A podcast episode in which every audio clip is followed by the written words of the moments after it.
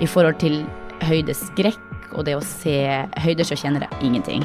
Absolutt ingenting. Hvis det skjer noe nå, så går det i hvert fall veldig fort. Ok, hvis jeg dør nå, så, så dør jeg lykkelig med det som jeg liker å drive på med, og jeg har opplevd mye og levd mye og ja, gjort mye i livet. Så, så at det, det, hvis det skjer, så er det, er det greit. Her er Stavrum og Eikeland, en podkast fra Nettavisen. Det er 14 fjell over 8000 meter i verden. Og for de aller fleste av oss er det helt utenkelig å komme på ett av de. I dag skal vi snakke med Kristin Harela, som skal gå opp på alle 14 på seks måneder. Hvor kommer galskapen fra? Den kommer fra Finnmark. That explains. Men hva er det som driver deg? Uh, ja, jeg tror mye utfordringer. Uh, og så klart du må like Du må like å gjøre det. Uh, det må man. Og man må være komfortabel med å ha det ukomfortabelt over lang tid. Du snakker lite finnmark når du sier ukomfortabel. For oss andre dødelige, da, bare det å komme opp på en 2000-metertopp i, i, i Jotunheimen, er jo, ja. det er jo et slit, og det er jo tungt. Men du har jo det konstant. Ja. Er du klin kokos? Ja. og du vet jo når, når Gunnar, eh, Gunnar, ser det med 2000, ikke sant? der kan du ta selfies og sånn. Du får jo ikke tatt selfies engang på toppen av Himalaya. Det er jo ikke dekning der. Nei, det gjør vi jo ikke. Men vi, vi, hvis været er litt liksom ok, så så tar jeg jo av hanskene og tar bilder på toppen og, og sånn. det gjør Men så er det litt sånn der, sånn som vi hadde på Everest nå, så blåste det ganske mye på toppen. Det var liksom ufyselig. Eh, så da ble det litt mindre bilder på toppen. La oss, la, oss, la oss, begynne med Everest, siden ja. det er på en måte det mest kjente fjellet. Eh, det, mm. det folk forbinder med Everest, det er jo døde folk du går forbi lik på vei opp, og livsfare. Mange har sett filmen Everest. Ja. Hvordan er det egentlig? Ja, jeg vet ikke om jeg tør å si det, men eh, Og det er jo Alle 8000 meterne er jo krevende. Men det er jo uten tvil om at Everest her er den letteste av dem som vi har tatt nå. Og kortest fra camp 4 til toppen. Eh, så, og Everest er så utrolig mye folk som er der. Så veien, eller veien som du går på, stien som man går på, er som mm, alltid godt opptråkket. Så det er en lettere vei opp enn mange av de andre fjellene. Har du gått for, men du går forbi ja. døde personer? Ja, i fjor så tror jeg så sånn fire-fem personer på tur opp. I år så hadde vi jo ganske mye vind, eh, og så hadde vi en lite opphold. Uh, så da så jeg bare én person som også var der i fjor, som, som ligger veldig nært, og som jeg nesten var bekymra for at jeg skulle liksom um, trø på han. Han har ligget der ganske lenge. Um, så det, det, det, er Ja. Men jeg tror nesten på alle fjellene vi var nå, så, så, var det enten dødsfall eller folk når vi så. Men hva tenker du da? Um, jeg tenker at det, det, er en del av gamet, og alle vi vet det. Og så er det en påminnelse om at det ikke er ufarlig, det som vi driver på med. Blir du aldri redd? Uh, veldig, veldig sjeldent. Og så har jeg hatt et par opplevelser. Uh, vi hadde en på Annapurna nå, som kanskje er verdens mest krevende fjell, og det er et farlig fjell, um, der vi har en, en camp, uh, camp 3 som er på en isblokk, med en isblokk hengende over. Um, og da hadde vi hatt en ganske lang dag fra camp 2 til 3 på 11 timer, og kommet dit, og vi sov en natt der, og da var vi bare fem stykk på den isblokka. Og den var relativt rolig. Litt bevegelse, men ikke mye. Og neste dag så kommer det opp to telt til, og vi er da fire pluss fire pluss fem. Og den isblokka beveger seg betydelig mye mer i løpet av natta. Uh, og på morgenen når alle var ute av teltene og var klar til å pakke sammen og gå, så begynner det å buldre og brake og bevege seg veldig mye. Og alle hyler og springer i alle retninger og vet ikke hvor vi skal gjør av oss. Eh, heldigvis så roer det seg veldig, veldig fort, men opplagt en farlig plass å, å være. For, for, det som kan skje, det er at uh, isbloggresset faller ned med dere ja, på? Mm. Ja, så både den som vi, som vi ligger på, uh, kan falle ut og den som henger over oss. Vi lå jo altså under den med isblokka hengende over oss.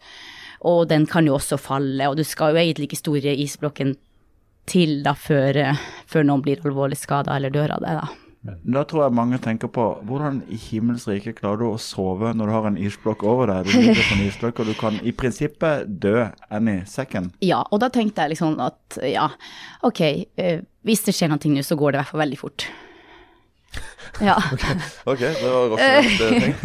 Så, uh, og det var nok ikke derfor jeg sov dårlig den natta, men vi lå altså fem stykker i et tremannstelt, og jeg er helt pressa inn i teltveggen, og med den isblo jeg lå nærmest isblokka, og, og det ligger eh, da en svær mann ved siden av meg og to jenter til, og han, han store mannen, han i løpet av natta så, så, så tok han liksom handa rundt meg. Uh, og det var jo liksom nok klaustrofobisk som det var der, så sa jeg til han vi kan ikke ligge sånn, liksom. Og så fikk jeg, fikk jeg dårlig samvittighet for han svarte at ja, men jeg er så redd. Og jeg bare å nei. Ja. Men, men, men jeg hører på deg Ja. nå. Altså, vi må komme til bunns i dette. Altså, for det, det, det er noe som må drive deg, altså rent mentalt. For det er, det er ikke normalt å, å gjøre dette her. Altså, hva, hva er det som har, har drevet deg til å gjøre dette? Jeg tror det først og fremst er liksom utfordringer og spenninger. Når man toppen? Eh, hvordan går det underveis?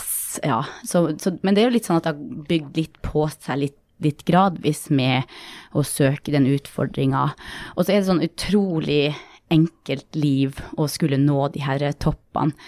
Eh, For når man er der, så dreier jo alt seg om å nå toppen, om å sove, spise og drikke og gå på do. Eh, og det er jo sånn kjempeenkelt liv. Og så i forhold til sånn vanlig liv, da skal man forholde seg til regninger og sosiale medier og folk og alt, mens her er det så eh, utrolig enkelt. Og når det begynner å bli ordentlig krevende, så er det sånn at det eneste man kan tenke på, er hvor man setter neste steg, da. Ja, for det, du- det er rent sånn hygienisk så er det litt annerledes enn uh, å være hjemme. Ja, det er jo det. det er jo det. Så man blir jo ganske sånn komfortabel. Jeg har jo to skjerper som jeg hadde med meg på alle, som, som jeg deler telt med. Og da tisser jeg jo i teltet med dem, og de, de tømmer tisseflaska mi. Og ja, man, man blir jo komfortabel med, med hverandre. Ja, og du dusjer mye. Nei, det blir dårlig med dusjing. Ofte så har man sånn basecamp-teltdusj, der man liksom i hvert fall får seg en, en bøtte med vann, og at man får vann over seg. Men nå på, på de her seks fjellene så har det vært veldig hektisk etter den første toppen. Vi har egentlig gått slag i slag, så jeg dusja sist mellom eh, Daulagiri og Kanchenjunga i starten av mai, og så fikk jeg ikke dusja da etter Kanchenjunga, Evreslots og Makalu. Eh, så det gikk jo mange uker der jeg ikke fikk dusja, og, og liksom spesielt etter man har vært på toppen, så føler man liksom litt for å ta av seg de her svetteste klærne som man har hatt på toppen, og så ta av seg liksom en dusj. Men nå fikk jeg ikke tid til det fordi at vi måtte forflytte oss til neste camp veldig fort. Så, men så blir man på en måte etter hvert også ganske sånn komfortabel eller med å ta seg en våtserviett, da. Men du får, jo, du får jo ting til å høres lett ut. Jeg tenkte å rippe opp i at det kanskje ikke er så lett likevel. Altså Du sier, Ja. eh, du sier at Everest på en måte er det, hadde vært det letteste nå. Det er jo litt Ja. fordi at det er tilrettelagt også for mange. Ok. Ja. Men du kommer opp i dødssonen på. Everest. Du, har, du går jo ikke i eh, lette klær, du går i tunge klær. Ja. Du har oksygen på ryggen. Mm. Du skal klatre opp Hillary Step før du kommer på toppen. Ja. Og, og det har skjedd mange ganger før at folk er fanga i, i dødssonen pga. Mm. været. Og du forteller at været var utrivelig. Det tror jeg, det tror jeg deg på. Ja. Det er jo farlig og tungt. Ja, det er det. Det, det er ikke noe tvil om eh, det at det både er farlig og, og tungt. Eh, Det er det. Men sånn, sånn fysisk så har det gått veldig uh, fint med meg, og jeg tror jeg er sånn perfekt alder for å gjøre det her. Uh, både med at jeg liksom har mange år med mange lange dager og mange døgn i høyden. Uh, samtidig så er jeg ikke så gammel at jeg har for mye slitasje og skade med meg. Men hadde jeg vært 20, så ville jeg aldri hatt det grunnlaget for å tåle så mange lange dager eh, ute. Og, og sånn fysisk så har det gått utrolig bra. Vi har jo hatt mange eh, lange økter, og sånn som vi kom ned fra Evres og Lotse, så hadde vi 28 timer i, i strekk da. Og da hadde vi en dag hvile, og så var jeg egentlig klar for neste topp. For, for det du gjorde der, det var på en måte at du besteg verdens høyeste topp, og så nærmest på vei ned så tok du like godt en annen 8000 meter lotse Ja. Ja. Ja, og det, det gjorde vi jo i fjor også, der vi hadde ikke noe plan om å ta noen rekord, og vi hadde ikke noe plan om å gjøre begge to samtidig. Jeg hadde, jeg hadde meldt meg på for å gjøre begge, og da gjør man normalt Everest en dag, og neste natt går man til Lotse. Det liksom det som, og så er det ikke normalt, for de fleste er det nok å gjøre Everest. Eh, men i fjor så hadde vi jo en veldig vanskelig sesong på Everest med et værvindu bare på 20 timer når vi var oppe. Og totalt så var det kanskje to-tre dager der man nådde toppen i fjor. Eh, Så når vi hadde vært rask opp og bare brukt seks timer opp, så var det på ok, ta de bildene, komme seg ned, og så så vi at ok, det er en mulighet for å rekke toppen av Lotse før det blir mørkt, og da dro vi opp dit, og så ned igjen. Så da gjorde vi det toppen tolv timer topp til topp, og så var jo planen i år å gjøre begge to i strekk, og så gjøre dem raskere. Når Eh, du, når du snakker, så høres nesten ut som du er på kjenningsstua i Nordmarka. Ja. Og der tar vi selfie. Men du nevnte selv at eh, Annapurna er jo et eh, farlig fjell. Eh, Ja. Men eh, K2 er ikke helt ufarlig, det heller. Nei, og så er jo eh, K2 veldig, veldig sånn berykta eh, fjell. Og så er det mindre farlig og mindre krevende enn Annapurna, sier alle som, som jeg kjenner som har vært på begge, da. Som sier at Annapurna er mer krevende og mer farlig. Eh, men det er klart at man skal ha respekt for alle fjellene over 8000 meter. Du er tross alt i dødssonen, og det, det er på en måte ingen lek uansett hvor eh, Og på K2 skal du over en isgavl helt på Ja. toppen. Og Mm. det blir heftig. Ja, og så, så vet vi jo også at eh, det kommer til å være ganske mye folk på K2 i sommer. Eh, som også gjør at eh, man kanskje vil prøve å unngå noe kø der. For det er jo akkurat i denne bottleneck der det blir kø, eh, og der vil man jo ikke stå lenger enn høyst nødvendig. Ja. Hva er forholdet til høyder? Nei, vet du at jeg, Det er jo helt rart å si det, men jeg reagerer ganske mye og ganske tidlig på høyder. I forhold til høydeskrekk og det å se høyder, så kjenner jeg ingenting. Absolutt ingenting. Eh, men i forhold til det her med høydesyke og sånn, så når jeg var på Kilimanjaro i 2015, som var mitt første høye fjell, så, så mister jeg synet på tur opp til toppen og spyr, og det er jo bare ja, under 6000. Ikke kødd med det, der har jeg vært, sikkert. Ja, ja. Nei, men, men, men, men det er jo sånn, det er jo en, en høyde der, og folk eh, blir jo høydesyke på Kilimanjaro også. Eh, og når vi var på tur inn til Everest i fjor, så, så begynner jeg å spy på 4000. Og da kan man jo lure på hvordan man skal komme seg opp til nesten ni, da. Men, men bare, jeg tenkte å stille, stille spørsmål da som folk kan relatere seg til. Mm. La oss si at du tok heisen opp og kom på toppen av Oslo Plaza. Mm. Og så sa noen for å få et godt bilde, så kan du gå helt fram til, til, til kanten og se ned. Ja. Hva hadde du gjort da? Jeg hadde ikke kjent noen ting. Ok, Så kan jeg invitere deg med på tieren i Fognerbadet, så er det en Ja, ja. Ok. ja ingen følelse i forhold til Hvordan kan, høyden. det, hvordan kan du ikke ha det? Vil. Føler du ikke det utrolige suget og faren i å falle ned? Nei, jeg, jeg får ingen følelse i forhold til de tingene. Eh, aldri når vi går over sånne stiger der du bare Du ser jo ikke bunnen en gang på den bresprekken, eller sånn, så kjenner jeg ingenting. Men Gunnar, det er jo tydelig at hun ikke har dødsangst. Nei. Altså, det, det er, altså, når ergo så er jo det pinus, det der med Plaza. Men jeg tenker, men det er tydelig at du har sosial angst. Eh, ja, i hvert fall litt, litt annerledes enn i forhold til uh, høyde. Ja. Men er det, er det noe av det som også er at du, du, bare gjør alt for å komme deg vekk? Altså man, man får en sånn utrolig sånn frihet når man er på de turene, og du får en sånn nærhet til naturen som er utrolig befriende og deilig. eh, Så det, liksom, det passer ikke for alle å gjøre det. og Man ser jo også på de turene at det er mange som er ukomfortable med den biten, mens noen er på en måte mye mer komfortable med, med det her å være uten dekning og være mange døgn fast i et telt, f.eks. Og bare ligge der, og, og der noen blir veldig ukomfortable med det, mens andre syns at det er liksom ja, fint, da. Fordi du hadde jo en god jobb, og Ja. hardt i alle år. Var en av toppene i Skeidar. Ja, jeg hadde jo jobba i Skeidar i, i mange år, først som varusjef i Tromsø i tre år, og når jeg begynte så tapte vi 5,5 millioner, og så tjente vi nesten fire når jeg etter tre år da begynte å jobbe sentralt, og jobba ekstremt mye de årene, og det var jeg skal ikke si det var lett å snu resultatet i butikken, men, men det var det. Eh, det var ekstremt mye jobb, men, men, det var jo ganske sånne enkle prinsipper, eh, pluss og minus, og du må tjene penger på de varene du selger. Og, Må drive butikk. du må drive butikk, sant. Og, og, men, men det er sånn ekstremt krevende. Du må være masse til stede sjøl, og du må følge opp ansatte og, og den biten der. Og så kom jeg og jobba sentralt og gjorde det i, i tre år, og følte ofte at jeg stanga hodet i veggen, og at jeg ikke fikk de resultatene som jeg ønska. og følte ofte at jeg gjorde mye jobb som det ikke ble noe av. Og det er sånne større konsern og uh, mer involvert og mindre uh, liksom, eh, ikke evne, men mindre muligheter for å påvirke resultatet sjøl. Da er du mer på en måte avhengig av andre avdelinger og andre ledere og, og andre prosesser enn bare å styre sin egen lille butikk, som var ganske enkelt å, å snu resultatet på. Ja, så da bare kjente jeg over tid, og så var det en liten ting som bare Ok, nå er det nok. Er Martin Andresen, sponser han turen din? Uh, nei, jeg skulle ønske det, men, uh, men jeg tror det er litt utenfor hva Skeidar responser. Men, men det skjedde også noe i, eh, i livet ditt som uh, har gjort at du ja, har begynt på denne reisen.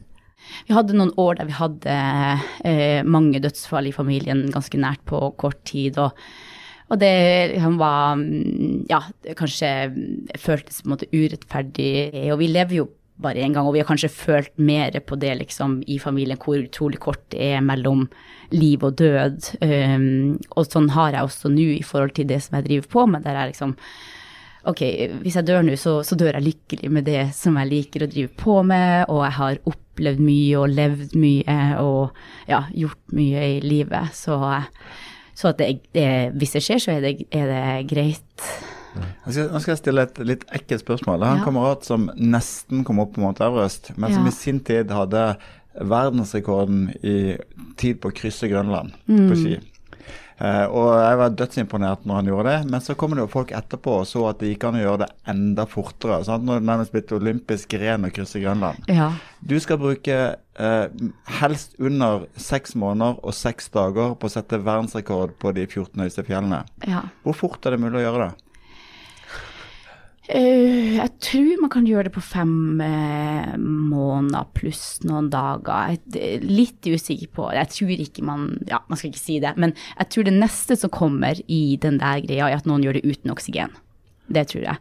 At noen kommer til å prøve uten. Og det er helt sikkert noen som er, er i stand til å klare det alle 14 uten oksygen. Det tror jeg. Det er jo en grunn til at nesten alle som kommer på Everest fra, fra Norge, gjør det rundt 17. mai. For det, Ja. det, det er ganske få dager det er teoretisk mulig egentlig å komme opp. Mm. Og, og det er ikke mulig å komme opp på alle 14 innenfor samme tidsvindu om våren. Nei, Pakistan gjør man alltid liksom i juni-juli. Mm. Så, så den, den er jo der. Og så har man på en måte to muligheter på de her fjellene i Nepal. Du har egentlig både høsten og våren, men så gjør man jo veldig, veldig sjelden Everest på høsten, selv om det er noen som har, har gjort det. Så det, man har på en måte to muligheter i Nepal, men Pakistan bare én da i juni-juli. Bare, bare høre hvor gæren du er. Hvis disse, Ja. hvis disse fjellene hadde vært rett ved siden av hverandre, og det ikke var tidsvinner å ta hensyn til, hvor lang tid hadde du brukt da? Eh, 14 dager. Eh, nei, litt grann mer, men man kunne sikkert klart det på en, en måned. kunne man jo klart det på, da. I Wow. hvert fall. Ja, det tror jeg. Men hvis, men hvis, eh, hvis alt går etter planen nå, da, Ja. da er det fem måneder og hvor mange dager? Hvis alt går smooth? Um, på alt prosjektet, hele, så er det, ja, håper jeg fem og en halv måned at vi skal Ja. klare det. Ja. Ja, men Det er jo imponerende. Men eh, Ja. du nevnte Sherpa i sted. Du har to stykker. Hvor, Ja. hvor viktige er de? De er ekstremt viktige. Ja. og for min del helt umulig å klare det uten dem. Det er jo noen som går uten sherpaer på de her fjelltoppene, men eh, eh, det mener jeg er veldig farlig. Eh, fordi at man aldri vet når man blir høydesyk, og vi har hatt noen tilfeller av, av det der folk blir alvorlig høydesyke, og så er de uten skjerper, og så går de og hallusinerer opp i høyden. Um, Da trykker du over de etter hvert. ja, eh, så det, så det er kjempefarlig. Men eh, sånn som for min del så har jeg jo da tatt alle de her seks med de to samme skjerper. Så de deler jo den, den rekorden eh, med meg. Og to skjerper som har vært helt fantastiske. Og Eh, Pastava hadde jeg med meg i fjor på Everest og Lotse. Eh, bare helt sykt sterk og ja, funker veldig bra i lag. Eh, og vi har jo delt telt så mye i lag denne tida, og kjempe-ok folk og ja. Når du kommer på det 14. fjellet, Ja. det er gått fem måneder og 13 dager. Ja. Okay, 14 dager. ja. Og så er det jævla dårlig vær. Og Ja. så kommer du til å bare OK, let's just do it. Ja, det gjør vi nok.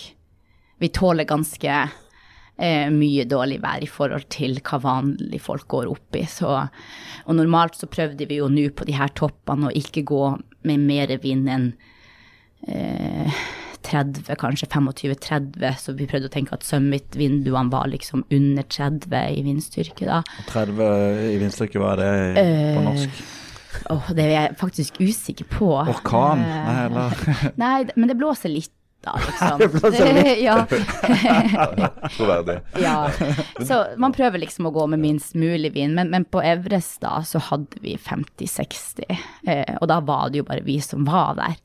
For det var, folk prøvde seg ikke på toppen da, fordi det var for mye vind da. Jeg tror vi kan si at lytterne våre deler, oss, deler seg i to grupper. Det er sånne som meg, som Ja. er bare dyp av beundring. Ja. Eh, Og så er det de som, som vil ta et annet perspektiv, som er Ja. omtrent som følger. Det koster rundt seks millioner kroner å lage en sånn ekspedisjon. Ja, Eh, Everest har etter hvert blitt en industri også for tur turarrangører. Mm. Ja. Det, og vi har sett bilder hvor det er kø opp til toppen. Mm. Eh, vi har sett bilder hvor folk kollapser og dør. Eh, og og forsøp, det forsøples jo også på Everest.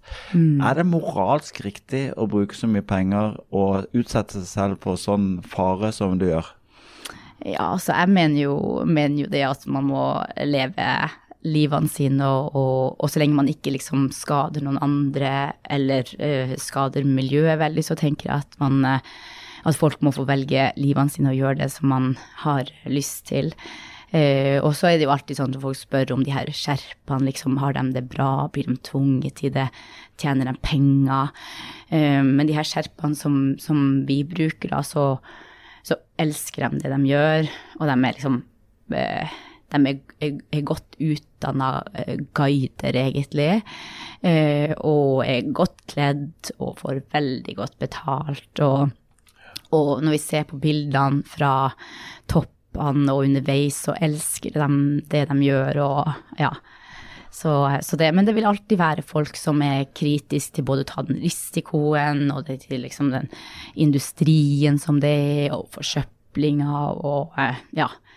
Men det er jo mye i livet som man eh, ja, som man gjør som, som andre kanskje ikke mener er rett. Og, men sånn, min greie er alltid det at man kanskje ikke skal blande seg så mye bort i at noen velger et sånt liv, og noen velger et sånt liv, og eh, ja, og den biten der. Men den siste, vi må ha en siste greie her. Også, eh, du har kjæreste? Ja.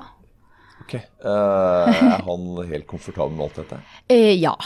Det, det er han. Ja, både han og liksom foreldrene mine er jo liksom vant til det her, og ja. Eh, ja. ja. Han, han klatra han òg, eller? Ikke i denne eh, graden her som jeg gjør, da. Nei. Hvis du skal være helt vill, Ja. slå ut håret og være helt gæren, Ja. hender det da at du setter deg på sofaen og spiser potetgull og ser på, på Netflix? Å, det er veldig, veldig sjeldent. Jeg ser utrolig lite på TV. Eller i hvert fall ikke sånn at jeg sitter i sofaen og ser på TV. Jeg kan liksom ha på nyhetene og samtidig som jeg gjør noe annet, men jeg sitter veldig lite i sofaen. ja. Du fikk Stavrum og Eikeland, en podkast fra Nettavisen.